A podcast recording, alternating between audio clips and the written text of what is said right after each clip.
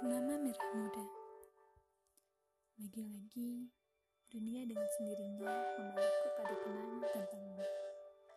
Hal yang sudah mati-matian aku lepaskan, kembali lagi menikahku begitu erat, menyebalkan. Aku masih saja mencintaimu.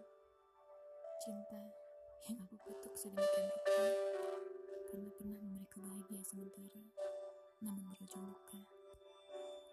Aku membenci cinta, tapi tak pernah sekalipun aku mencintai benci. Apa kabarmu hari ini? Ku dengar kamu sedang tidak baik-baik saja. Ku dengar kamu sedang sedih. Masalah lamamu tak pernah mereda, justru kian menyiksa. Bagaimana dengan dia?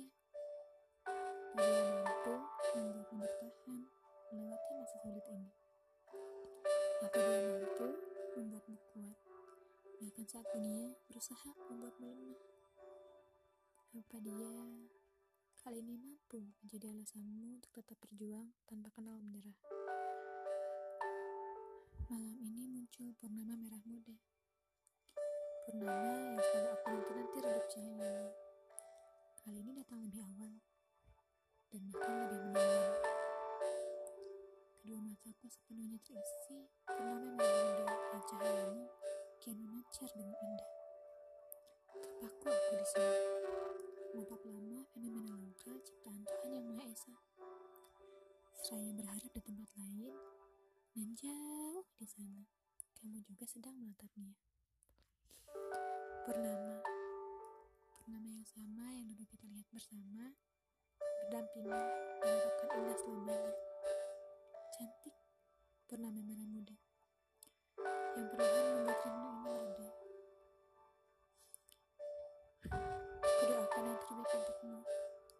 juga yang terbaik untukku. Bukan hanya kamu, aku juga butuh doa untuk diriku sendiri.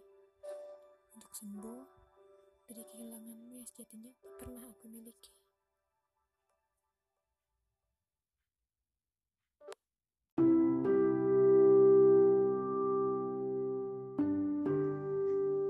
Hari ini, kamu merasa bahwa kamu sedang sangat merindukannya. Semua kenangan itu seakan seketika kembali, bahkan setelah masa tenangmu terlewati. Seakan Tuhan sengaja membuatmu rindu padanya, yang menurutmu itu adalah pertanda untuk tidak pergi darinya. Lalu kamu tidur, berharap rindu diam-diam pergi saat kamu mulai terlelap. Tapi tidak.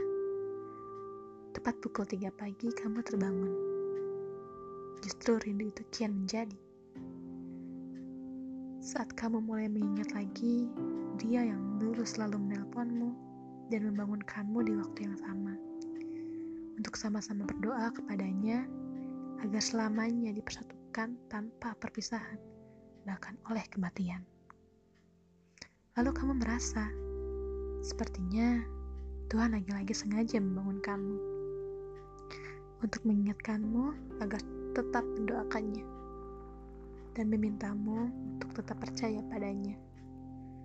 Semoga kelak apa yang tak mungkin akan menjadi mungkin.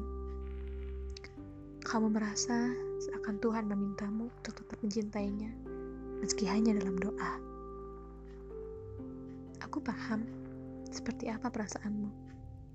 Mungkin kamu bingung Kenapa Tuhan seperti sengaja mencegahmu untuk pergi dan malah memintamu untuk tetap bertahan hanya dengan doa? Tapi aku ingin memberitahu padamu tentang suatu hal. Tentang rindumu yang sedang kamu rasakan hingga kamu harus terbangun di sepertiga malammu untuk mendoakannya. Sebenarnya, di balik rindu yang kamu rasakan untuknya, ada rindu yang lebih besar dari itu. Kamu tahu itu apa? Itu adalah rindu Tuhanmu padamu. Ya, rindu Tuhanmu pada sholatmu yang masih sering tergesa-gesa. Rindu Tuhanmu pada bacaan Al-Quranmu yang bahkan masih terbata-bata. Juga rindu Tuhanmu pada rengikan doa-doamu yang membuatmu berlama-lama duduk bersimpuh dan bersujud di atas jadahmu. Tuhan merindukanmu Tuhan ingin bertemu denganmu, mendengar suaramu dalam doa, dan mengusap kepalamu saat sujud. Sudah lama kamu tidak berduaan dengannya. Karena itu Tuhan membangunkanmu saat dunia terlelap, saat dunia mulai sunyi. Yang ada hanya suara antara hatimu dengan Tuhanmu. Juga tetesan air matamu yang hanya bisa terdengar olehnya. Jadi, Tuhan tidak selalu memberikanmu masalah untuk mengujimu. Tapi kadang Tuhan rindu padamu. Tuhan hanya rindu padamu. Dia akan memberimu masalah hingga tak ada satu orang pun di dunia ini yang bisa menolongmu. Dan akhirnya kamu akan kembali meminta pertolongan Tuhan. Kamu akan kembali padanya. Ya, saat itulah Tuhan merindukanmu.